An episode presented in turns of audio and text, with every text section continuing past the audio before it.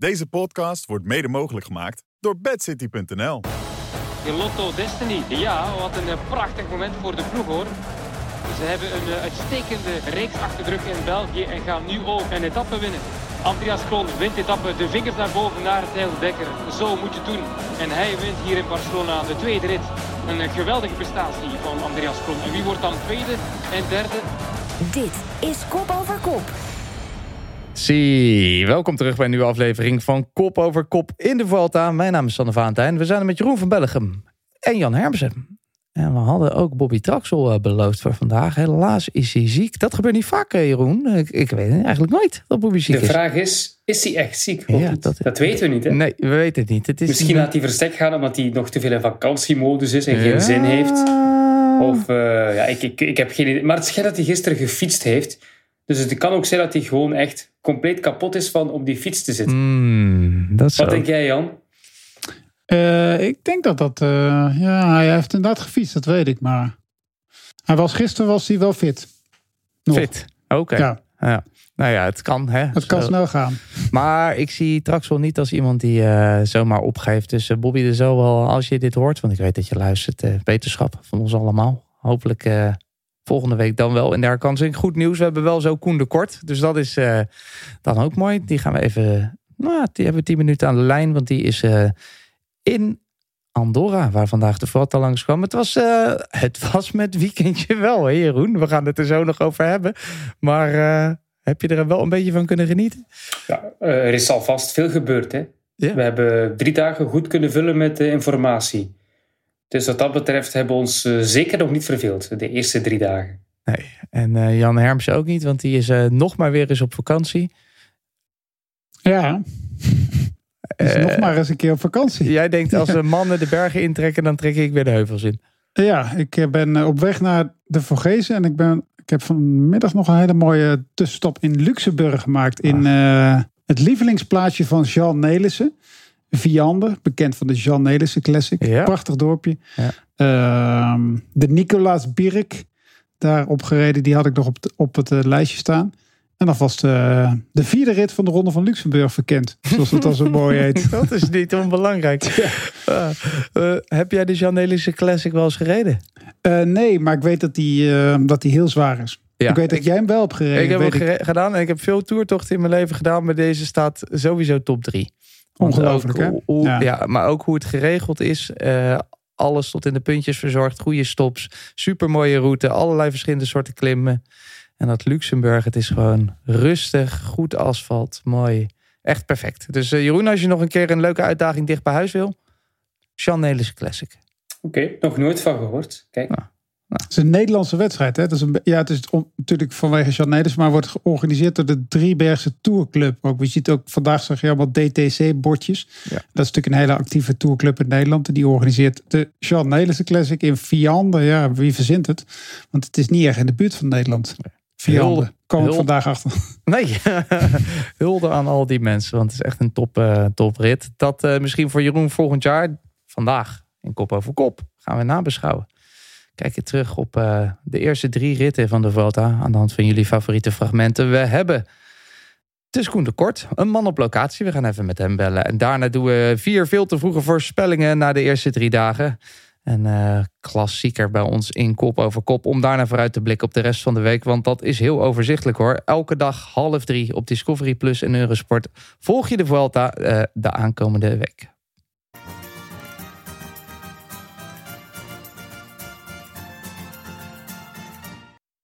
We gaan beginnen met de nabeschouwing. Het was een beetje opmerkelijk begin van de Vuelta deze week.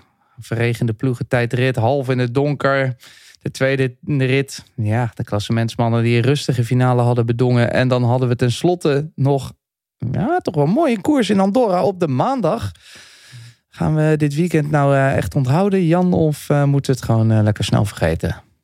Eh, nee, we moeten het zeker onthouden. Want eh, ja, eigenlijk moet je zeggen van dit nooit meer. Maar goed, het zat natuurlijk echt, echt wel allemaal zat het wel tegen. Ehm, dus je kan er, maar goed, daar gaan we het straks nog uitgebreid over hebben. Dus je moet hier, ja, ja je kan het eh, tot de bot op afkraken inderdaad. Maar als de zon had geschenen, dan was er denk ik niks aan de hand geweest. Mhm. Dan hadden we een prachtig weekend gehad. Maar nu zat echt alles tegen. Alles tegen. alles wat tegen kon zitten zat tegen. We gaan het er zo inderdaad over hebben. Maar is het een beetje typisch voor de Vuelta, Jeroen? Of uh, misschien typisch voor een grote ronde? Of is het juist atypisch, omdat alles tegen zat? Dat openingsweekend. Ja. Goh, um, in de Tour ga je dat soort fratsen toch niet echt vaak mm tegenkomen, denk ik. Um, dat is, ja, het is misschien raar om te zeggen, maar het onvolmaakte is ergens ook de charme van de koers natuurlijk. Het feit dat zoiets kan gebeuren. Kijk, wat, wat er gebeurd is, is natuurlijk, uh, was heel gevaarlijk voor de ploegen die op het einde gestart zijn. Dat zeker. Um, maar zoals Jan ook al zei, het was echt ook overmacht. Ik bedoel, heel veel pech voor de organisatie. Veel meer pech kun je niet hebben. Als het 40 dagen heet is in Barcelona en dan regent het één dag met pijpenstelen en dan is het net ook vroeger donker dan anders. Oké, ze hadden wel wat kunnen doen, maar het is ook gewoon echt brute pech. Ja. Dus ik zou niet echt steken op, op het feit dat het nu de Vuelta is of een grote ronde, dat, dat dat soort dingen gebeuren. Maar ja, af en toe... Uh, de natuur is ons soms uh, te snel af. Ja. In ieder geval was er... Uh daardoor best wel wat commotie rond die uh, openingstijdrit. Uh, de laatste ploeg van Remco Evenepoel moest bijna door het donker heen rijden. En aan het einde was uh, Remco dan ook echt niet blij. En we gaan naar Jeroen, jouw fragment luisteren. Is that your opinion on? Not really. Just know that it can be dark at 9 in the evening. So, I mean, if you see if you have the whole day to do a TTT, uh, we have to wait the whole day when it was dry. I mean, I don't, uh, rain is rain. We cannot change the rain, but we can change the circumstances that we're racing in. And you just have to know we go on the limit because it's, it's a race. We want to, we want to win. So you risk already a lot, and then with all the factors coming that it's super dark and super sketchy on these roads, it's just, in my eyes, it's just ridiculous. And like I said, for sure, I will get all uh, haters and criticizers again on me, but it's just that's just how it is. No, so you're just okay, saying the, the time of the day, not the weather. Yeah, exactly. And, and okay. your team did an okay time. Overall, you didn't lose much time. Yeah, that's a good that's a good thing about today. But uh, I think uh, today what the organize, organization should know is that it's just dangerous and they should think about safety and uh, yeah, just a shame that, that the race. I mean, it affects on everybody uh, for sure. The all the GC teams they went just super slow because you couldn't see anything. You couldn't um, race at 100%. It's just yeah, it's just strange that they let us race in uh, in the dark like this. Ja, Jeroen, waarom heb je dit fragment gekozen? Vanwege wat hij zegt, vanwege de toestand daarvoor? Of? Uh, omdat ik in de, ja, in de eerste plaats natuurlijk zijn frustratie kan begrijpen. Ik denk dat iedereen van ons wel eens uh, gefietst heeft op een koersfiets of niet in uh, de duisternis, zonder lichten, onverantwoord. We hebben het allemaal wel eens gedaan. Ik ook met de mountainbike s'avonds. En uh, dan is dat eigenlijk uh, super gevaarlijk. En als je dat, ja, wij kunnen dan nog het heel rustig aan doen, omdat dat ja, niet onze job niet is. Hè. We zijn toeristen, dus we doen het dan op een verantwoorde manier of proberen het te doen. Maar hij, hij ja, moet het snel doen, want het is zijn job. En het gaat om de knikkers. hij wordt ervoor betaald, net als de andere ploegmaats. En eh, die wil het heel goed doen en dan eh, kom je dat tegen. Dus ik snap volledig zijn frustratie. En eh, ik, ja, ik verschoot er wel wat van dat hij zo scherp reageerde, maar ik ben eigenlijk wel tevreden is een groot woord, maar ik vind het wel goed dat er renners zijn die het ook zo gewoon durven zeggen wat ze denken. Er zijn heel veel renners die heel braaf blijven na afloop van de rit. Um, maar hij durft gewoon te zeggen hoe het zit. En ja, ik vind dat wel, vind dat wel goed dat meer en meer renners trouwens, die, die gewoon open hun gedachten durven zeggen zonder dat ze daarbij vrezen voor gevolgen of uh, dat ze bang zijn voor de reacties. Nee, hij zegt het gewoon. Vind je, vind je dat ook, Jan, dat dat goed is en dat er genoeg renners zich uh, zijn, ja, zijn opgestaan, zeg maar, om iets laten horen? Om... Ja, maar dan zeg ik ook aan de andere kant. Ze wisten het al een tijdje. De, de, de, de renners en de ploegen wisten echt al een tijdje dat ze, dat ze rond die tijd gingen starten. Dus, dus bedoel, je, je kan ook zeggen van ja, je moet dan ook je, je hand in eigen boezem steken. Nu was het dubbel pech omdat het zo donker werd door de regen. Um, ik dacht van ook ja, uh, als de zon ondergaat en je hebt om half negen een echt ondergaande zon in het najaar die laag staat en die in je gezicht schijnt, is het natuurlijk ook levensgevaarlijk. Dus had ik moeten kiezen of in de middag of in de avond. Maar goed, de, de Vuelta-organisatie heeft ook gezegd... ja, bedoel, we, hebben allerlei verschillende... we hebben het al in het verleden zo vaak gedaan... maar volgens mij hebben ze het ook ooit een keer in Sevilla gedaan... vanwege de hitte s'avonds. Dat was geen enkel probleem toen, met lampen erbij. Dus het kan wel. En dus hadden de ploegen ook zelf wat proactiever moeten zijn. Ja, nu ging natuurlijk alles mis. En dan kan je zeggen, ja, het is de organisatie en we zeggen circusnummer. Nee, maar goed, je, eh, het is natuurlijk wel zo. Ze zijn wel een circusnummer. Want wij willen er naar kijken en wij willen ook spektakel zien. Alleen willen we niet dit spektakel zien. Dus ik vind het ook wel een beetje. Ik vind zijn kritiek. Ik vind het heel goed dat, dat ze wat zeggen hè, na afloop inderdaad. Maar ik denk ook meteen van ja, oké. Remco niet, hè? Die, hoeft niet, die is niet bezig met dat hij om half negen tijdrit moet rijden. Maar de ploeg hadden dit wel. Hm. En de veelbesproken CPA had natuurlijk ook al veel eerder kunnen kijken van... we zitten in Barcelona, het is een levensgevaarlijke stad. Ze kunnen niet verkennen. Al die ploegen mochten de afgelopen dagen niet de stad in. Je hebt, je hebt geen idee waar je rijdt. Dat is eigenlijk een beetje de discussie die je moet voeren. Maar dat is een veel latere discussie eigenlijk ook. En het tijdstip, daar heeft hij natuurlijk volledig gelijk in. Want ja, het is te krankzinnig om rond zonsondergang uh, door een grote stad te rijden. Het is wel vragen aan problemen. Dus daar heeft hij, hij heeft wel gelijk, zeg maar. Maar ja, zijn ploeg en de andere ploeg hebben daar ook wel een beetje, ja, hebben ook wel een beetje te slapen eigenlijk ook. Ze hadden inderdaad, hebben we het vaak over. Dat vaak wordt er gepraat nadat het gebeurd is, uh, niet voordat het gebeurd is. Wat zou de organisatie gedacht hebben van tevoren, denk je, Jeroen? Want ik denk dan altijd, ja, ze weten toch dat het donker wordt. Het, ja. ja, die duisternis, dat vind ik ook iets heel bizars. Um, maar ze hadden natuurlijk die afgelopen weken alleen maar mooi weer gekend en uh, was het nog gelicht s'avonds. En ze hadden niet uh, het idee dat het zo erg zou zijn met de regen ook. Dat had Guillen ook gezegd, dat de verschillende weerapps tegenstrijdig waren. Goh, um, ik heb toch twee of drie weerapps bekeken. En die zeiden alle drie dat het echt zou eh, stormen en hard zou regenen. Heb je die ook uh, Ik weet niet of ik die van Hermsen gezien heb, want dat is uh, persoonlijk gebruik. Dat is een patent, dus oh, dat, ja, kan, dat, kan, ik niet gebruiken. Maar um, die zeiden alle drie dat het slecht zou zijn. En ja, ik vind ze sowieso inderdaad, als je weet... Kijk, ik snap Jan, de ploegen hebben daar ook misschien wel iets van verantwoordelijkheid, maar het is wel de organisaties en taak om dat allemaal in goede banen te leiden. Die ploegen hebben veel andere dingen aan het hoofd. Het is echt puur de organisatie toch die moet weten eh, hoe ze een eh, koers organiseren, hoe laat, uh, welk tijdstip. En als je dan weet dat de zon ondergaat op dat uur, dat lijkt me toch ook iets waar je als uh, koers mee bezig bent. Toch? Dat, is het, dus- dat is het belangrijkste inderdaad. En dat, dat, leggen, dat leggen ze voor en dan wordt goedgekeurd door de ploegen. En dan zegt iedereen, uh, maar als het dan op een gegeven moment misgaat, gaat het ook mis. Over het hmm. weer trouwens, dat is natuurlijk ook. Ik heb, um, want ik zat in de auto toen die ploegentijdrit was. En ik, ik heb anderhalf uur erover gedaan. Het was zondag trouwens, het was dat ik in de auto.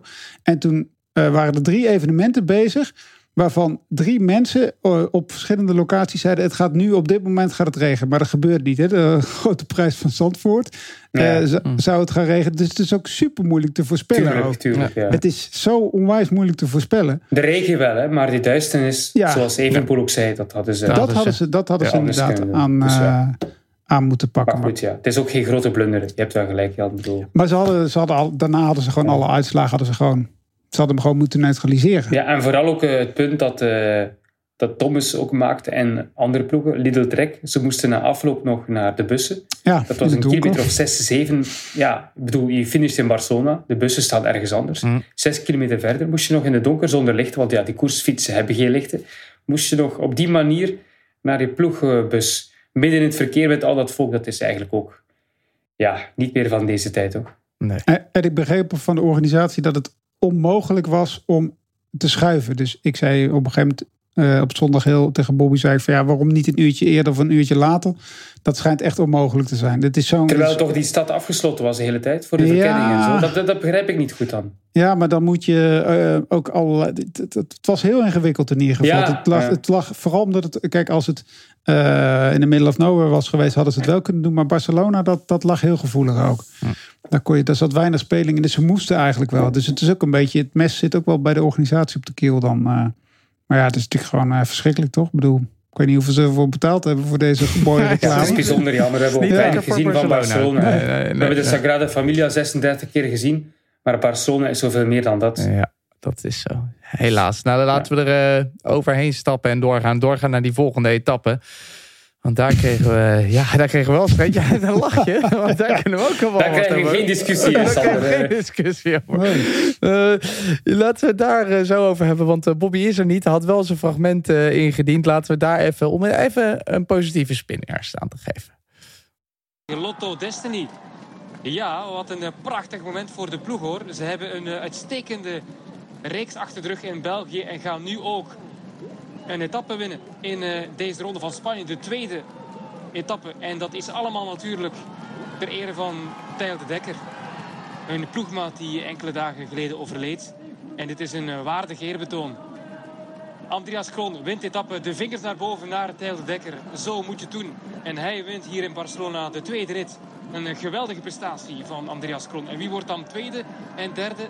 Is het Groves die tweede wordt? Denk het wel Groves. En dan de derde Bajoli. Even heel snel bekeken. En eh, dan is de vraag, wie, wie pakt het rood? Ja, wie het rood pakt, kunnen we het zo nog over hebben. Dat was ook nog We hebben nog 20 minuten de tijd, want zo lang doet de organisatie er blijkbaar ook Oh, Ja, over. precies. Dus, eh, Dus dan mogen wij daar ook nog wel 20 minuten over napraten. Eerst maar even over eh, de overwinning. En wat je al zei, het soort van mooi, mooist mogelijke eerbetoon wat daar mogelijk was, hè, Jeroen. Eh, ja, ik eh, moet eerlijk zeggen, ik kende Tijl de Dekker persoonlijk ook niet. Eh, net als Andreas Kroon, maar als zoiets gebeurt, dan eh, ja, pakt het je toch maar weer. Hè. Ehm, omdat het eh, ja, zoveel gebeurt de laatste tijd. Ik bedoel, eh, de valpartij die de Dekker heeft meegemaakt, ehm, een van mijn betere vrienden heeft hetzelfde meegemaakt. Hm. Hij leeft nog, maar hij is vijf dagen ook in coma geweest. Een paar jaar geleden was dat. En is nog altijd niet 100%. Het zal nooit 100% zijn. Dus ik heb een soortgelijke ongeval meegemaakt in mijn vriendengroep. En ja, het, is, het kan iedereen overkomen als je koerst op de openbare weg. Het kan echt iedereen overkomen. En dat is het eh triestige dat het zo vaak gebeurt. En dan vraag ik me af, hoe komt dat, Sander? Jij fietst ook heel vaak. Ja, misschien eh, meer eh, obstakels op de weg. Meer eh, rotondes, meer verkeersremmers. Ja, drukker is het Drukker ook geworden. Dat zeker. algemeen, ja. Meer fietsers, meer mensen op elektrische fietsen, meer Mm. mensen op de weg. Ja, het is... Misschien ook, ik weet niet, de focus op de trainingen, de wattages die moeten gehaald Ja. worden. Ik, ik zeg maar iets hoor. Ja, zou allemaal kunnen. Alles samen. Hè? Dus Ja. triestig, super jammer. Maar mooi van Andreas Kroon om daar meteen aan te denken. Ja, en eh, een mooie overwinning dan voor hem in eh, dubbel perspectief, Jan. En dat zat er misschien ook wel een beetje aan te komen al, hè, die overwinning voor Kroon. Ja, want er werd in de, in de vergelijkbare rit in de Ronde van Catalonië werd hij eh, zesde volgens mij. En heeft echt een supergoed voorjaar gehad zonder nou echt super resultaten te rijden. Hè? Of in ieder geval zonder nou heel erg op te vallen. En hij won al een keer een rit in Catalonië. Dus kennelijk voelt hij zich daar goed. En eh, ja, hij durfde, hij durfde te koersen. En dan, ja, dat wordt beloond. Dat is heel mooi. En dan hebben we ook nog, natuurlijk, we hadden het er al even over, de, het verliep niet helemaal volgens plan, deze etappe. De tijden werden niet aan de finish, maar 9 kilometer van het einde opgenomen. Niet iedereen was daar blij mee. Wat vonden jullie van deze oplossing? Ik moet zeggen, ehm, ik weet niet wat jij ervan dacht, Jan, maar ik dacht toen ik het eerst hoorde, op, eh, dus het was eerst 3,6, dan, eh, ja, dan hebben ze dat veranderd, omdat de klassementsrenners er falikant tegen waren, terecht ook. Het zou niets te veranderen. En toen hoorde ik 9 kilometer neutralisatie en ook nog die bonificaties die tellen. En toen dacht ik van, ja, waarom eh, ga je die bonificatieseconden laten tellen? Maar ik dacht er even over na en toen eh, zei Karsten ook, het is gewoon de best mogelijke manier, want dan heb je nog tijd ook voor de ritzegen. Anders, eh, die bonificaties die kunnen ook nog meetellen voor, voor de nieuwe rode trui dan. En dat kan allemaal nog een leuk spel worden, ook voor renners die durven dan die finale aan te vatten. En ik moet hem eigenlijk gelijk geven, ik vond het de best mogelijke oplossing. Ben jij het daarmee eens, Jan? Ehm, ja, ja, dat was in ieder geval. De, de, finale was in ieder geval leuk. Ehm, ik vond het wel jammer wat, wat, daar, wat er eigenlijk voor gebeurde. Dat, dat eh, DSM eigenlijk een beetje, de, of in ieder geval Bardet eigenlijk een beetje de kans ontnomen werd om de rode trui te pakken. Omdat die eigenlijk aan het achtervolgen waren. En Jumbo-Visma zei rustig, rustig aan. Om Roglic te laten terugkomen. Dat vond ik eigenlijk een beetje, ja, dat vond, dat vond ik niet zo heel. Daar is ook best wel volgens mij wat kritiek nog in de wielerwereld op eh, gekomen. Is best wel ja, laat ik het maar hotel noemen, hotel rijden inderdaad. Ehm, moet je altijd een beetje uitkijken met deze dingen volgens mij, eh, als je dat zegt. Maar ja, dat vond ik eigenlijk wel jammer inderdaad. Want kijk, eh, eh, de renners hebben heel veel, hebben veel ehm, eh, overleg gehad. Ik begreep dat even de boel met Thomas had overleg. Ze in hetzelfde hotel. Ze, ze, ze zaten allemaal volgens mij op, wel op een goede lijn ook. En ze, ze, maar ze hebben ook het idee dat er niet naar ze geluisterd werd. Nou, daar hebben ze, nou, dus dit uitgekomen, is prima. Ehm, maar ik had inderdaad, ik had misschien toch die, die toch misschien wel gewoon de finish op, eh, op de Montjuïc gelegd ook gewoon. Ik bedoel, dat had volgens mij best wel gekund. Was het helemaal een, eh, een, een nog leukere etappe Ja, ja. Maar goed, die, die valpartijen waren ook wel, ja. Ja. Ja, bedoel, dat, dat is, dat is we, hetzelfde verhaal hadden we in de, de, de, de ronde van, van België, Nederland en Luxemburg. De Renewy Tour hadden we ook zoiets. En dan zie je inderdaad toch, ja, weet je, dan is het geneutraliseerd. Tot die laatste klim gaat het voor de rit zeggen. En ze rijden echt gewoon natuurlijk als gekken gewoon. Behalve de mannen van het klassement die zeggen, ja, oké, we doen het rustig aan. Maar er wordt wel gewoon veel risico genomen. Ook. Dat blijft er toch altijd een beetje in. Nou, je kan het nooit helemaal goed doen. Laten we doorgaan naar de volgende etappe, rit 3. Misschien wel de eerste echte etappe dan. Een sterke kopgroep, Damiano Caruso en Kemna bleven als uh, laatste over. Kemna leek toch uh, even op weg naar ritzegen. Maar daarachter kwamen ze opeens ook weer. Opeens waren ze, waren ze op 30 seconden. Het ging heel snel. En nou, ook nog een aanval van Koes. Denk je dat dat een plan was van uh, Jumbo Jeroen... om hem misschien alvast een etappetje te gunnen, zo aan het begin? Goh, daar ging het niet echt over, over etappes gunnen. Het ging meer over je overmacht proberen hmm. uit te buiten. Want eh, toen die demarrage van Ayuso kwam, waren er vijf, zes renners die meteen reageerden. En daarbij zat, zaten de drie van Jumbo-Visma. Dus ik denk dat ze inderdaad de anderen uit hun kot wilden lokken door Koes te laten demareren, wat ook gebeurd is. We zagen ook Kelderman, die meeschoof met uh, Vine in eerste instantie. Dat was hetzelfde verhaal. Probeer de concurrentie te laten reageren. Ze weten natuurlijk ook dat Evenepoel misschien wel hun grootste concurrent in deze Vuelta is. En dat hij niemand heeft op plek 2 die dat aan kan. Zo'n aanval pareren van Koes en Vingegaard. Dus, en Kelderman misschien ook niet eigenlijk. Dus dan zou hij het zelf moeten doen. Dat is wat ze eigenlijk willen teweegbrengen. Zo vroeg in die Vuelta, omdat die verschillen dan nog klein zijn. En uh, ja, het is een uh, tactiek die wel uh, logisch is als je zo'n sterke ploeg hebt in de breedte. Uiteindelijk gingen we dan toch een soort sprinten met een redelijk grote groep. En daar zagen we meteen Remco Evenepoel die uithaalde. Die komt nog aanzetten met ook nog Soler daarachter. Evenepoel pakt hier nu de bocht nog 125 meter. Evenpoel tegen een vingerkaart. Kijk eens, de eerste krachtmeting tussen de Kemphanen. Evenpoel gaat hij nu al tonen wat hij eh, waard is. Dat gaat hij doen hoor. Dat gaat hij doen. De dubbelslag. Ja, ja, ja, ja, ja. Etappe en het rood voor Remco Evenepoel. Voilà. Puntjes op de i. Jongens, en met wat een gemak.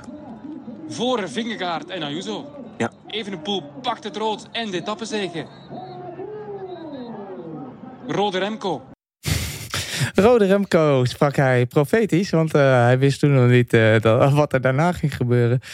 Uh, daarna viel Remco even de poel ook nog even. hij reed tegen een, tegen een vrouw aan. bloed aan zijn hoofd, Jan. Wat, wat, wat, gebeurde daar en is dat de reden dat je dit uh, fragment hebt gekozen? Uh, van, vanwege het bloed? Nee, nee, nee. nee, nee, nee. ik, ik zat in de auto en ik zat trouwens, want ik vind het knap Jeroen, jij zegt meteen Remco in het rood. De Britten hadden er ongeveer 10 minuten over nodig om erachter te komen wie er in het rood was. Dus chapeau voor jou. Ja, je, je, ja, dat, dat call je dan inderdaad goed. Maar nee, ik, ik vind, ehm, en ik ben, het, ik ben al een, een tijdje echt een ontzettende Remco-adept aan het worden. Vooral aan dit weekend ben ik echt, ik ben smoorverliefd geworden. Hoe die zaterdag binnenkwam naar die tijdrit, die blik op zijn gezicht. Dat was fantastisch. En de blik, de, de, de bijna maffia-blik die hij vandaag toonde. Ik, ik hou daar gewoon van. Ik bedoel, dat is echt een renner die je in deze sport wil hebben.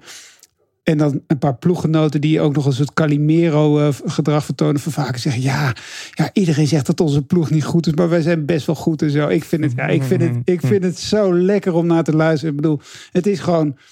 Er gebeurt elke dag wat met Remco. En daarom had ik dit uh, fragment eigenlijk gekozen. Ik gun het die jongen zo ontzettend inderdaad naar die, naar die waardeloze Giro. Dat hij met COVID uit moet vallen. Dat hij hier gewoon ondanks al die mensen die er niet in geloven, waaronder ik ook wel horen inderdaad, omdat ik vind dat zijn ploeg niet sterk genoeg is.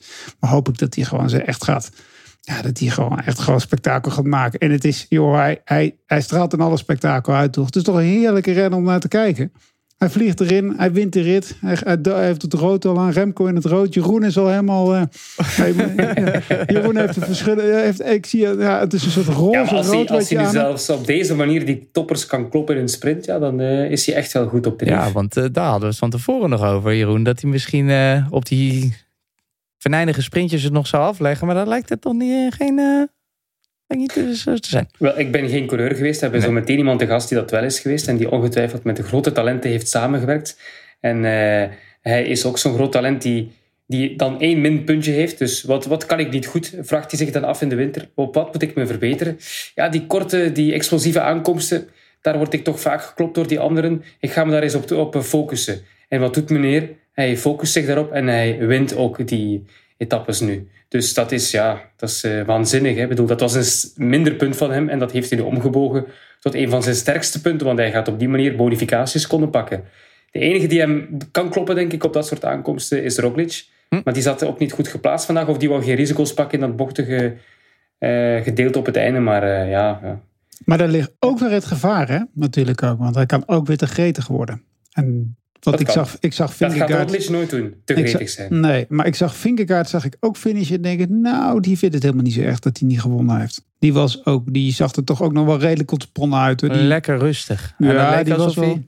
Al, alle die aanvallen had wel meteen pareert de rem gekneed toen hij over de finish kwam. Ja, Ja, dat sowieso. Is Remco oké eigenlijk, Jeroen? Weten we daar iets over? Uh, laatste, laatste berichten uh, zijn dat het best oké is. Dat, het dat, het, er is, geen ja. grote problemen zijn met zijn uh, hoofd of dat er geen hersenschudding aanwezig is. Maar goed, dat, dat kan misschien nog veranderen de komende minuten of uren. Je weet het niet. De breaking news jingle staat klaar. Maar laten we hopen dat het niet zo ver komt. We hebben Soudal Quickstep even benoemd. We hebben Jumbo-Visma. Jeroen heeft hier benoemd dat ze ijzersterk waren met veel man. Uh, Jan, tot slot UAE. Die zaten er ook goed bij. Wat voor een indruk maken die op jou?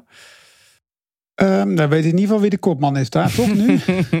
dat is in ieder geval... Uh, Jay Vine, toch? Nee, ja, Jay Vine. Of ja. was het Soler? Nee. Ja, oh. maar het is in ieder geval wel lekker rommelig inderdaad. Ja, daar. Maar in ieder geval, het is wel duidelijk dat Ayuso in ieder geval volgens de ploeg de kopman is.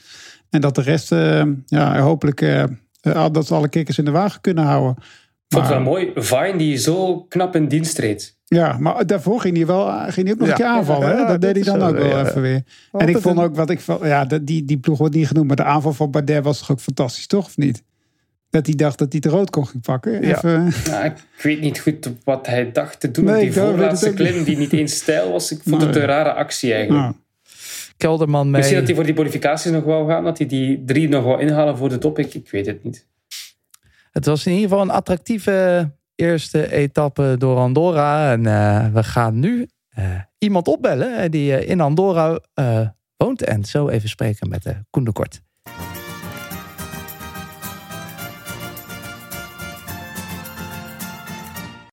Zoals ik het zei, we hebben een local in kop over kop. Een man met een zeer Hollandse naam, Koen de Kort. Maar een Andorra local.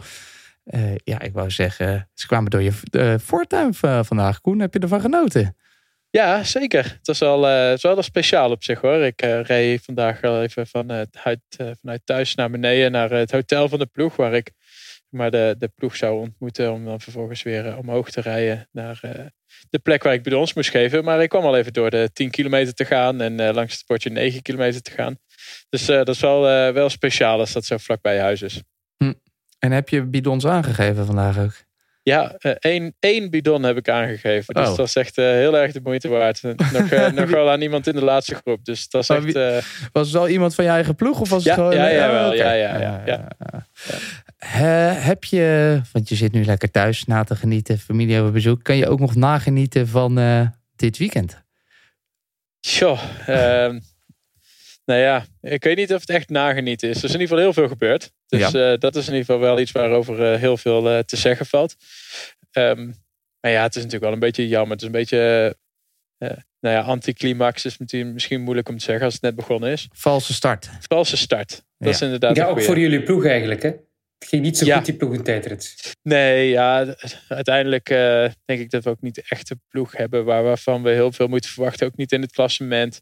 En eh, ja, als het dan gaat regenen, dan kun je eigenlijk alleen maar verliezen. Dus in, eh, in dat opzicht was het wel ingecalculeerd. Maar eh, ja, goed, op een gegeven moment moet je natuurlijk wel een keer met de etappe-overwinningen mee gaan strijden. En eh, ja, dat, eh, dat moment hebben we nog niet gehad. Ja, gisteren was natuurlijk ook weer niet te strijden in Barcelona om de, om de etappe-overwinning. En ja, vandaag is het wel geprobeerd in de kopgroep. Maar ja, dat eh, was het ook niet. Hoe, hoe was de stemming überhaupt bij jullie en ook bij de andere teams na, na zeg maar eh, zaterdag en zondag? Ja, vooral eh, na zondag was het natuurlijk echt even. eh, ja, als het twee dagen achter elkaar zo is. Dat natuurlijk zaterdag. Er, wordt heel vaak zo laat gefinished. En er wordt eigenlijk waarschijnlijk niet heel vaak over nagedacht. Dat het ook zo'n weer kan zijn. En dat het echt heel erg invloed heeft op de wedstrijd. Door regen in de ploegentijdrit of in de tijdrit is natuurlijk heel vervelend. Maar als er ook nog eens bijna geen zicht is.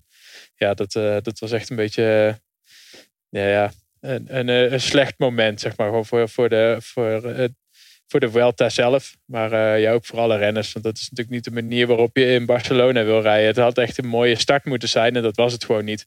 En uh, ja, dan ook eigenlijk best wel ja, een speciale aankomst. Waar op zich niks mee, mis mee is op zondag. Als het gewoon mooi zonnig weer is. Maar ja, dat was het ook weer niet. En ja, was er ook eigenlijk bijna niet te koersen hebben ze uiteindelijk dus ook besloten om niet te koersen. Dus ja, dan uh, baalt eigenlijk wel iedereen ervan. Het is voor iedereen een valse start. Niet alleen voor de organisatie of uh, voor uh, de mensen die thuis op tv kijken, maar ook voor de renners zelf. Hm. We zijn in ieder geval gestart. Wij doen altijd in kop over kop veel te vroege conclusies na de eerste nou, drie dagen dan. Vier veel te vroege conclusies. Laten we gewoon beginnen en we pakken Koen gewoon lekker mee hierbij. Jeroen, ik begin bij jou. De ploegentijdrit zien we volgend jaar niet meer terug. Het levert alleen maar gedoe op. Goh, dat is al heel kort door de bocht, maar dat is natuurlijk ook wat jij ja, uh, teweeg brengen. Dat is het idee bij veel te vroege conclusies. Uh, die komt wel nog terug. Het is een traditie in de Vuelta en laat dat maar een traditie blijven. Uh, dus een lekker band, uh, lekker zwembad, noodweer, maakt allemaal niet uit. Maakt wel uit, maar probeer het opnieuw volgend jaar en dan gaat het weer goed je komen. Je weet het niet. Misschien hebben ze wel Wie wat weet uh, ploegentijd het voor de deur van Koen de Kort en die gaat het allemaal perfect regelen. Die heeft de weerapps, die weet wanneer de, de zon ondergaat. Dus die gaat dat perfect organiseren. Oh, dat is mooi. Of Hermsen komt uh, Vuelta de komende jaren eigenlijk weer eens uh, buiten... We waren vorig jaar natuurlijk al in Utrecht. Ik heb geen idee. Nee, nee, nee. ik zou hem lekker op dat circuit uh, organiseren waar, ze, waar al die ploegen getest hebben. Dat, daar kan je volgens mij wel een lekkere ploegentijdrit uh, afwerken. En dan kan je elk moment van de dag starten wanneer je wil. ja. Heb je ook verlichting? Heb je verlichting ook nog? Dat zou wel. Zou dat wat zijn, Koen? Een paar rondjes over een circuit, ploegentijdrit? Ja, nou ja, op zich is een ploegentijdrit natuurlijk wel mooi zo door het centrum. Als het niet al te veel kilometers is, er al te veel verschil uh, wordt er niet gemaakt. En het is een hele mooie manier om uh, zo'n binnenstad een beetje te laten zien. Het idee was leuk voor Barcelona, maar de ja. uitwerking niet ideaal. Nee. Uh, ik kan Barcelona toch nog wat leren van de Utrecht kunnen we dat toch Ja, zeker. Nee, dat, uh... Op voetbalvlak of... Uh... op alle vlakken. op alle vlakken. um, we gaan door, want de ASO, Jan, die gaat met een bezem door de Vuelta-organisatie. Volgend jaar krijgen we gewoon lekker een kopie van de Tour qua organisatie dan. Uh, nou, misschien dat ze een paar Chinezen in kunnen huren. Want die schijnen, die schijnen regen tegen te kunnen gaan, volgens mij. Uh, dat hebben ze bij de Olympische Spelen volgens mij een paar keer gedaan. Maar, het was niet alleen de regen natuurlijk. Het was ook op de zondag uh, ja. problemen met die tijdswaarneming. Ja. Als je ziet hoe die bonies verdeeld werden met mensen die op videootjes van omstanders aan het kijken waren. Dat is toch een beetje. Nee, maar ik denk dat die, ASO. dat, die, dat die draaiboeken honderdduizend keer zijn doorgenomen. En als er dan echt iets misgaat, dan gaat ook alles mis. En dat zie je natuurlijk wel heel vaak. Dus wordt, er is geen B-scenario.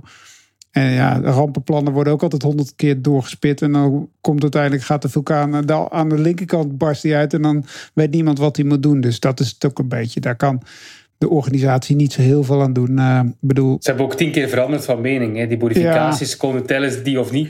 Ik kan me voorstellen dat die commissaris daarboven het ook niet meer weet. En denkt van, oh, ze tellen waarschijnlijk niet. Het is hier slecht weer. Ik ga even binnen een koffietje drinken. En dan, dan wordt ja. er gebeld. Hé, hey, wie pakt die seconde daar onderweg? Hé, seconde, hoezo? Die tellen toch niet mee? Oh, oh jawel.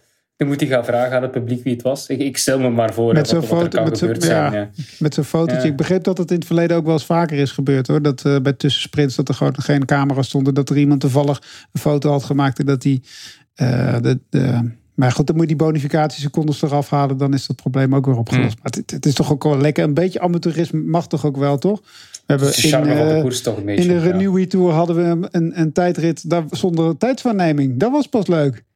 Daar kan je, ja, daar kan je ook wat mee. Ja. Ah, dat is mooi. Is het, nou, er was uh, geen regen op dat moment. Is dit Spaanse charme, Koen? Moeten wij gewoon niet zo zeuren hier in Nederland?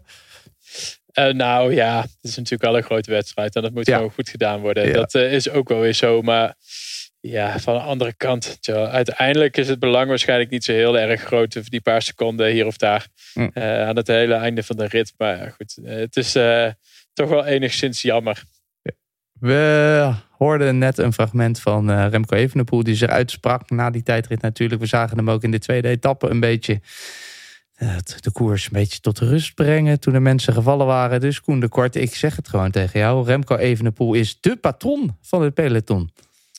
Ja, ja. volgens mij wel. Nou ja, zo, uh, eh, zo wordt hij denk ik al wel een beetje gezien. Of dat, eh, ik denk dat hij dat zelf ook wel goed kan. En eh, het is natuurlijk wel echt een, een, een leidertype. Het is iemand die ook nog eens goede uitslagen rijdt. En natuurlijk wel helpt in het aanzien. Dus ik denk wel dat dat, dat de komende jaren zich nog verder gaat ontwikkelen. En je denkt ook wel, je ziet ook wel dat hij als zodanig een beetje geaccepteerd wordt door het peloton. Um, ja, voor een groot gedeelte wel. Maar de rest gaat op een gegeven moment denk ik ook wel mee. een patron die zal nooit uh, zonder tegenstanders zijn, denk ik. Hm. Maar uh, ja, als je het merendeel maar meekrijgt, dan is het wel goed volgens mij. Zie jij, uh, Jeroen, nog andere mensen die zo'n rol kunnen pakken op het moment eigenlijk? Ik zie niet zoveel uitgesproken personen zoals hij, hè? We hebben het al eens hierover gehad, denk ik. Over mogelijke patrons in de koers in het huidige wielerpeloton. Hm. En er zijn geen Bonen of Cancellara's bij, denk ik, die van die vroeger echt een ja, soort van leidersfiguur toch vertolkte in het peloton. Je hebt ja, Van Aert, Van der Poel, die zijn daar niet echt mee bezig ook. Die hebben dat niet in zich of die willen dat ook niet per se. Uh, ja, de beste rondrenners van het moment, Roglic en Vingegaard, die hebben dat ook niet in hen. Om echt een grote leider te zijn. En ik denk Evenepoel wel. Dus uh, ja, Koen kan misschien wel gelijk hebben. Als je, als je één renner zou moeten aanwijzen die het zou kunnen, de echte patroon zijn nu, dan is het misschien wel eh, Remco zelf, ja. Er, er nog zo'n jongen in Slovenië die wel aardig rondrijdt, toch? afgelopen twee jaar. Ja, maar volgens mij wel een beetje in zich. Is hij daar, die, die wil toch vooral plezier. Ik zie, die, ik zie dat niet echt als een leider. Jij wel? Ja, zo. Ja, ja, op zich wel misschien een leider. Staken, maar, maar. Ja, of die zich nou echt inzet voor uh, het, grote, het grote geheel. Het zie je hem aan het einde zo'n interview geven waarin de organisatie een veeg nee, tegen de band geeft? Denk ik niet. Nee. Die, die, die, die, voor, voor boeit hem allemaal niet, denk ik. Nee. Dat soort zaken. Laatste veel te vroege conclusie. Jumbo-Visma moet even de pool met het numerieke overtal zien te slopen. Jij zat er met je neus bovenop, Koen de Kort. Denk je dat dat de eh, goede strategie is hier? Ik denk dat het uh, de enige strategie is. De enige zelfs. Uh, ja. en dan te hopen dat dat voldoende is. Uh, op basis van wat we vandaag hebben gezien, is die de echt verreweg de sterkste. Dus is dat volgens mij de enige manier. Het enige wat ik zag was dat hij, uh, ja, hij met drie Jumbo-renners in het wiel zat. En dan, ja, dan heb je misschien nog kans omdat hij, om daar nog iets mee te gaan doen. Maar ik denk dat het toch lastig gaat worden. Hm. Jij bent groot Remco-fan tegenwoordig, Jan. Denk je dat hij zich dan uit zijn holletje gaat laten lokken als Jumbo hetzelfde gaat proberen te doen als ze met Poggi deden vorig jaar in de Tour? Ja, hij heeft niet veel keuze natuurlijk. Hè? Ik bedoel, als die jongens dicht bij elkaar staan en, en die de laatste ritten, de Sierra Guadarrama, en ze gaan echt met hem spelen, ja, dan, dan, dan, dan gaat hij verzuipen natuurlijk als hij geen ploeggenoot meer heeft. Het, is te voor Jumbo-Visma te hopen dat ze tot het laatste weekend de twee man kort in het klassement hebben. Ja, en dan kan je de, dan kan je de sloophamer er wel op gaan zetten. Dan, dan, hij moet, ergens moet hij, moet hij die jongens op achterstand gaan zetten, anders wordt hij, uh, loopt hij in de val. Hij is niet sterk genoeg om die gassen persoonlijk in, een, in zijn eentje te slopen, denk ik. Dat, dat, dat vind ik, dat, dat zou ik, ja, ik ben wel groot fan, maar dat zie ik niet zo snel hmm. gebeuren. En wie zou hem echt kunnen bijstaan, denk je, Jeroen? Zo lang mogelijk nog binnen zijn ploeg? Goh, als je echt puur kijkt op papier, dan zou dat Jan Hirt moeten zijn, die het in het verleden al heeft gedaan. In uh, de laatste week van een grote ronde, eigenlijk bij de beste klimmers horen. Ik heb het al een tijdje niet meer gezien bij Jan Hirt, dat hij het uh, kan, maar ik, ik geloof wel in de, zijn kwaliteiten. En voor het overige van deze ploeg die er nu is, niemand anders. Om echt uh, bij Koes op, op het niveau van Koes te presteren. Maar ja, wie, wie, wie kan er dat, hè? Ja. Hij heeft een team waar veel mensen het kunnen. Maar... Hm. Wij gaan zometeen voorbeschouwen. En daarna gaan wij lekker naar bed, Koen. Jij gaat zometeen ophangen en daarna ga je nog eten. Want zo doen ze dat in Spanje. Precies. Gewoon, rond een uur of half tien aan de tafel. Voordat we gaan voorbeschouwen wil ik toch graag van je weten... Uh, wat zijn de jullie plannen in grote lijnen de komende week? Waar zie jij kansen en mogelijkheden? Uh, nou ja, gewoon een rit proberen te winnen. En dat moet vanuit de kopgroep. Dus uh, er zijn denk ik kansen genoeg. Er worden denk ik nog heel veel etappes die door een kopgroep worden gewonnen. En ja, ik denk dat we daar wel renners voor hebben die dan mee kunnen. En dan is te hopen dat het één keer prijs is. Hmm, dat hopen we ook voor je. fijn dat je er weer even bij wilde zijn. Koen, eet smakelijk zo. Dank je wel. En we gaan je gewoon nog een keer bellen deze foto, toch? Absoluut, ja zeker. Ik, uh, ik doe gewoon weer uh, gezellig met jullie mee. Gezellig. Dankjewel Koen, fijne avond nog. Top, dank je.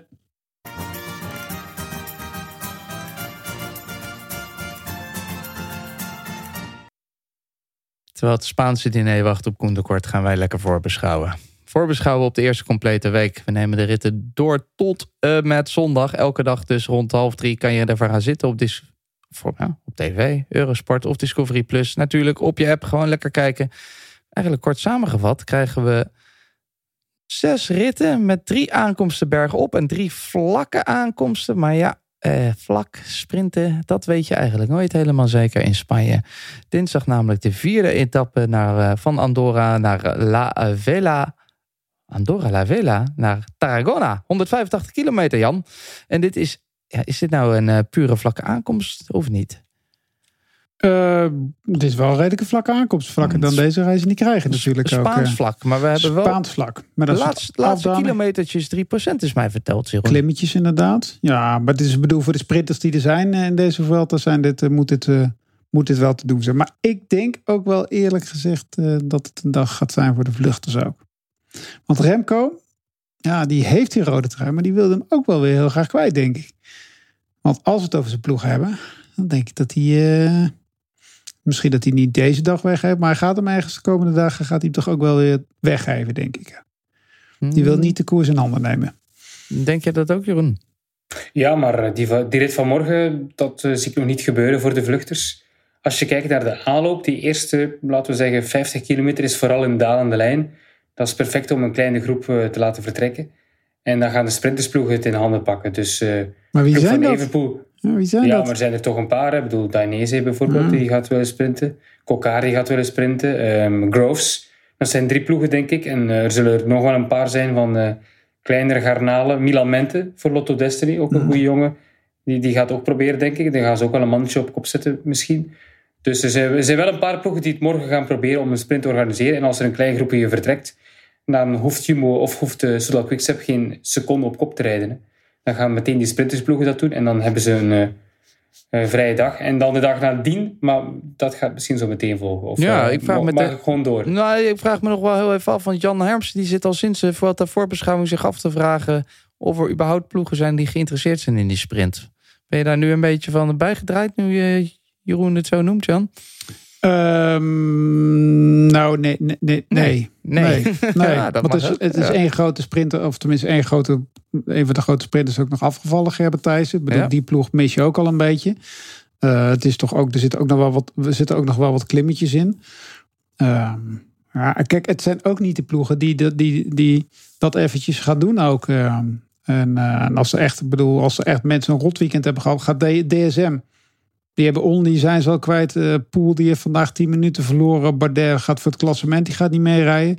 Ja, die gaan natuurlijk niet eh, 180 kilometer voor, voor, eh voor ehm Dainese rijden. Dus die hopen te profiteren. Heel veel ploegen gaan er dan meerijden. Ik denk dat die- Sowieso Alpes in de Koning. Ja, Sowieso Ja. die voor Groves. Ja. Die, echt, die zijn volledig committed voor Groves. ja. Dus die wel. En ik denk als ze één ploeg hebben in steun in de eerste kilometers, dan komt het wel goed, denk ik. En dan, de dag nadien, woensdag, Jeroen. Ga verder. Ja, wel, dus je kunt eigenlijk die twee etappes heel goed met elkaar vergelijken, Mhm. die twee ritten. Maar het grote verschil voor mij dan, hè, is het begin. Dus die eh, vierde rit, die eerste 40 kilometer, zoals ik zei, die verloopt vooral in dalende lijn. Daar kunnen de jongens met alle respect van Cacheral en Burgos demareren. En een klein groepje kan daar vertrekken. Maar die, die eh, volgende dag, dag 5, is toch een pittig begin. Want als je kijkt naar de eerste 45 kilometer, twee beklimmingen, ook van bij de start zo'n klein klimmetje, dan eh, lichtjes aan. Twee beklimmingen die toch wel eh, pittig zullen verlopen. Dus die eerste, dat eerste uur gaat, eh, is echt wel zwaar. En dan heb je nog overal weg een kool van tweede categorie.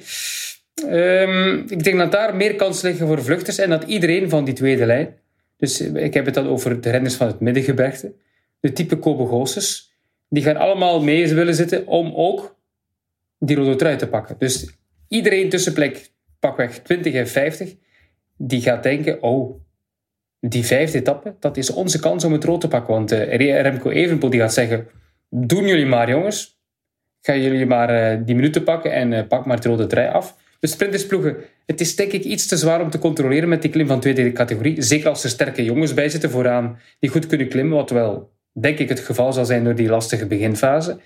Dus volgens mij wordt dag vijf de rit waar... eh, ja, ik ga, ik ga toch een lekkershoedje moeten doen, zeker. ja, ja, ja. ja, waar, eh, ja, waar, ja. waar we nieuwe... Ik denk dat we dan overmorgen... Kan morgen, maar de kans is voor mij iets kleiner, maar ik denk dat we overmorgen een nieuwe, een nieuwe leider zullen zien in het klassement. Op woensdag krijgen we een uh, wisseling qua trui. En wie wordt dat dan, Jeroen? In de Giro zit je er zo lekker bovenop. Uh, ja, in de Giro was ik in topvorm. Ja, dat is jouw ronde. Hè? Ja, ja, ja, dit wordt moeilijker. Ik, ik, mag, ik, ga, ik, wil, ik wil graag drie namen noemen, maar dat mag niet zeker. Ja, voor de, en voor de ritzegen, want ik denk dat het Bellen gaat winnen. Uh, ik dat denk dat, dat Kope Goossens gaat winnen. Hmm, die oh. denk ik dan niet.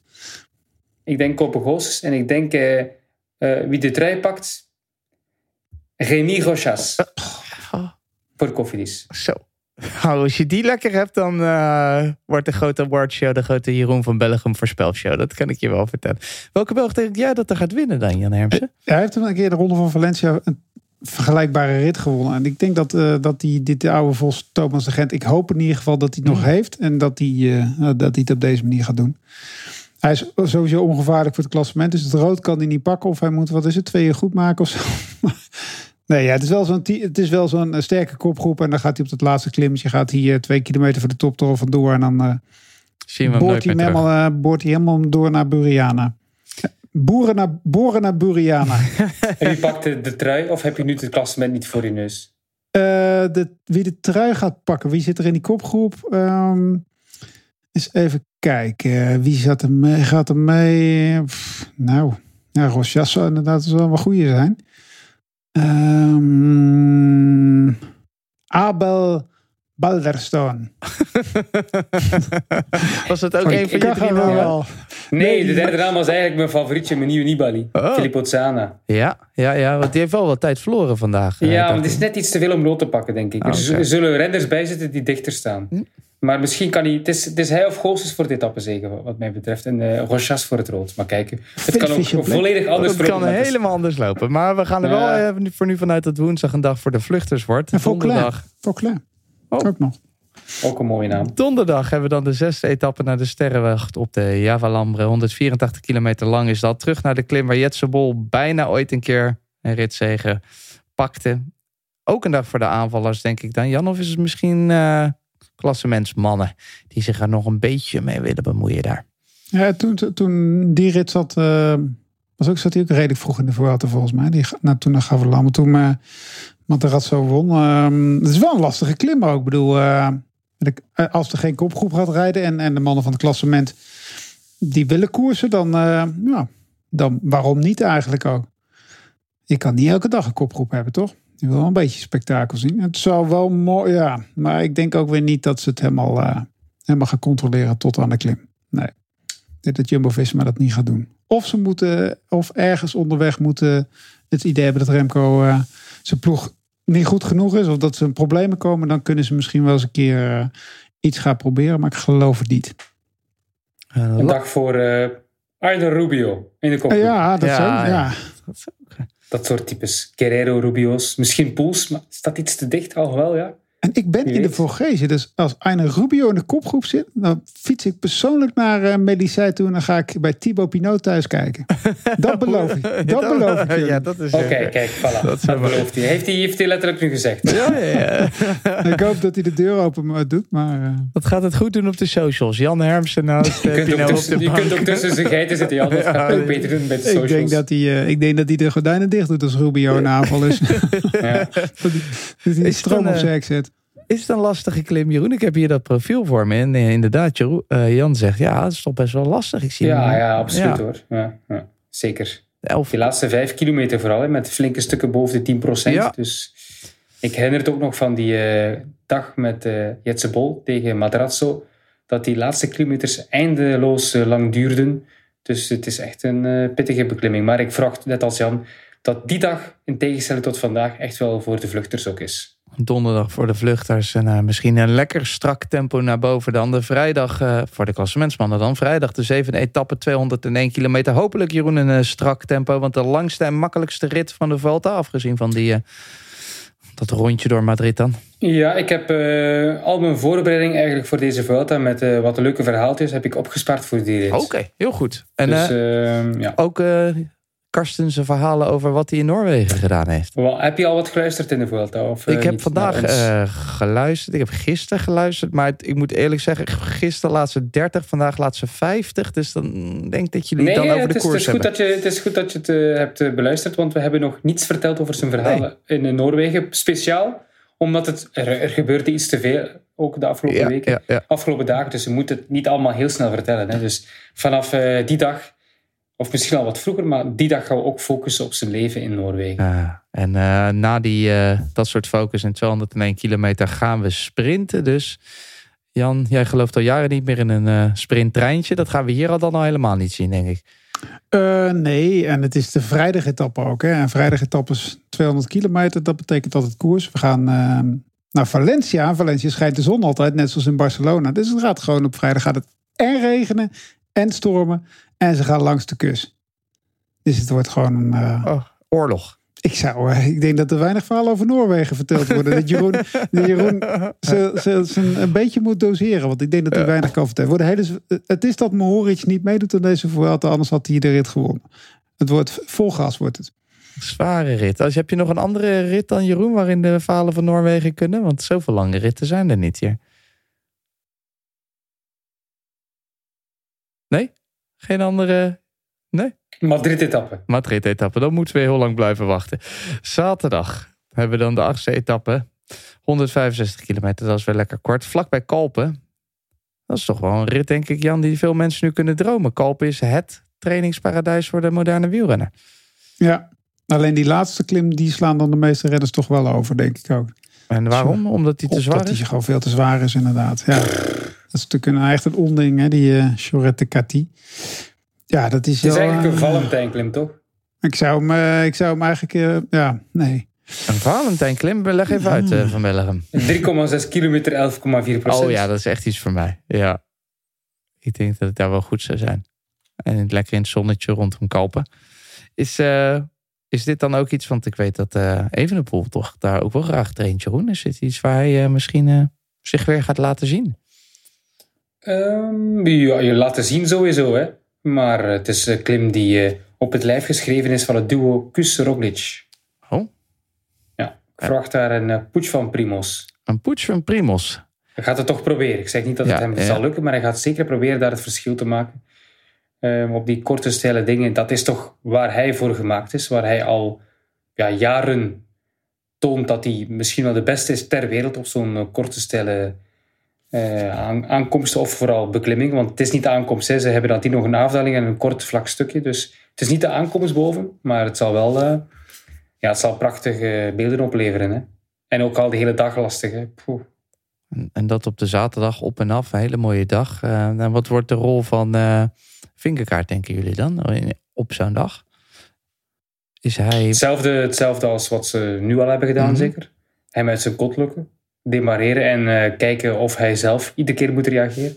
Dus Ik vond hem wel goed hoor. Echt ja, een hele absoluut. goede bliksemafleider. Heb je dat wel eens meegemaakt, Jan Hermsen? Een toerwinnaar als bliksemafleider? Ehm, nou, ik denk niet dat hij de bliksemafleider is. Want voorlopig is Roglic... ehm, nou, ik zeg niet dat hij er minder is. Maar die valpartij heeft natuurlijk niet meegeholpen. En ehm, ik vind Vingegaard eigenlijk op dit moment wel de, de betere eigenlijk van de twee.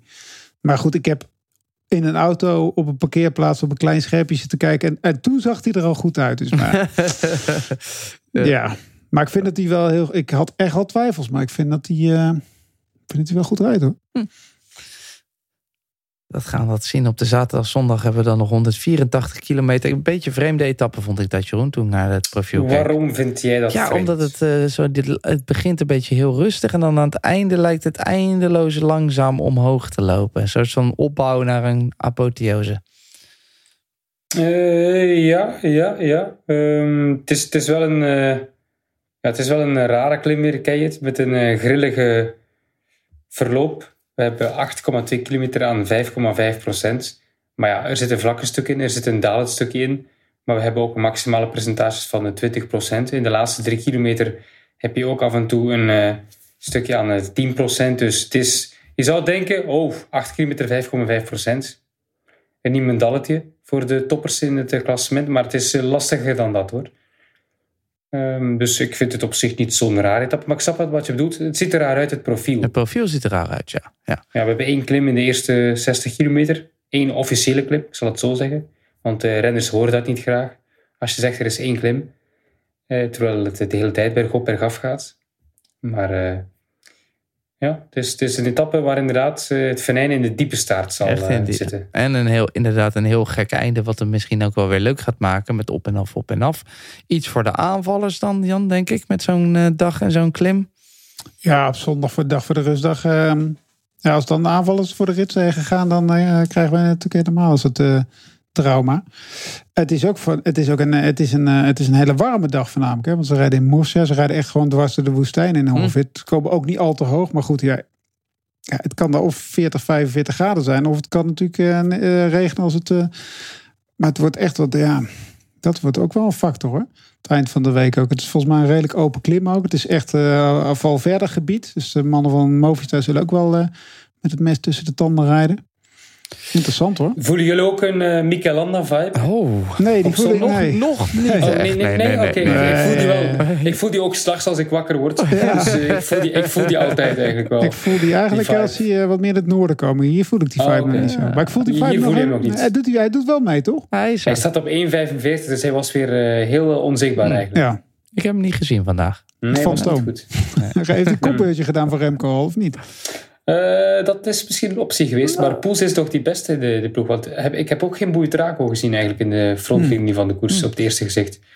Dus eh, dat draait daar niet helemaal lekker. Maar het eh, toont wel aan dat ze misschien voor etappes gaan eh, ehm, proberen te winnen. Dus en dan eh, zeg ik zondag. Mikel of Santi. Ja. En Jeroen, zondag ook natuurlijk dag voor de rustdag. En de dag daarna, op de dinsdag, hebben we dan al die tijdrit. Oh, gaan we nu al... eh, Nee, na, gaan we gaan niet, de- nee, maar de met- met- dit, met- dit gaat wel ver dan. Met het oog op die tijdrit gaan ze dan, eh, denk je juist het proberen rustig te houden? Of is dit het moment om juist alvast even richting Remco wat tijd te pakken? Ja, je hebt natuurlijk eh, je hebt net al die eh, etappe gefileerd. Wanneer kun je tijd pakken? Dat is echt die laatste paar kilometers. Ja, wanneer het ja. wat super stijl is, kun je daar echt heel veel tijd pakken. Mhm. Ik verwacht daar geen grote verschillen eigenlijk. Het In moet, die laatste, die laatste klim. het moet op eh, de dagen daarvoor gebeuren, op de donderdag en de zaterdag het, eh, het liefste. Vooral zaterdag, denk Zaterdag. ik. Ja. Zaterdag zal het moeten gebeuren. Of eh, hij gaat misschien dinsdag. ja. Is dat resumerend de gevaarlijkste dag met het oog op het klassement, de zaterdag? Voor mij toch wel. Ja. Dan, eh, Jan, weten we wat we moeten gaan doen zaterdag. Half drie klaar zitten. Een goed plan, toch? Heerlijk. Ja. Z- z- gaan- zijn we eigenlijk er ook nog dagen eerder bij Jeroen van Bellegem dan half drie? Deze week Eh, niet, dacht de, ik. de eerste week niet. Oké, maar daarna gaat het wel ook af en toe. We gaan wel met een paar etappes wat vroeger beginnen, want eh, 2 uur 30, ja, dat, is, dat is eigenlijk heel laat. Ja. Jan en ik zijn gewoon om eh, s smiddags al met onze boterhammen op onze schot beginnen met het commentaar geven. Dus 2 uur 30. Ik heb soms het gevoel om 1 uur van, ja, ik, eh, nam het dat gevoel in de Ja. grote ronde. Ik moet toch eh, praten, dus ik, ik, be- ik begin maar gewoon te praten dan. tegen, tegen In niemand in, bijzonder. huiskamer. In mijn Ja. huiskamer, Wel ja. over voilà. wielrennen of kan het over van alles gaan? Eh, nee, over de afwas. Over de afwas, wat je ziet Ja. in de afwas. Ja, ik zie hier een ja. paar vlekken. Ja. Ja, en dit moet nu weg. Dit moet nu opgekuist worden. Ik weet niet of eh, de vrouw des huizes dat altijd goed ontvangt. Nee, want die was niet thuis Oh, Oké, natuurlijk. dat scheelt. Ja. Dus heb je het zelf maar gedaan. Ja, heel ja, goed. voilà. Heel goed. Dat kunnen we deze week gaan zien. Eh, bedankt mannen. Het wordt een mooie week. Elke dag half drie. Dus volg je de Vuelta bij Eurosport en Discovery Plus. Volgende week. Dan zijn we er op de rustdag. Op de maandag. Hopelijk eh, is Bobby dan terug. eh, gezond en wel. We gaan het zien. Bedankt voor het luisteren. Tot volgende week. Deze podcast werd mede mogelijk gemaakt door bedcity.nl.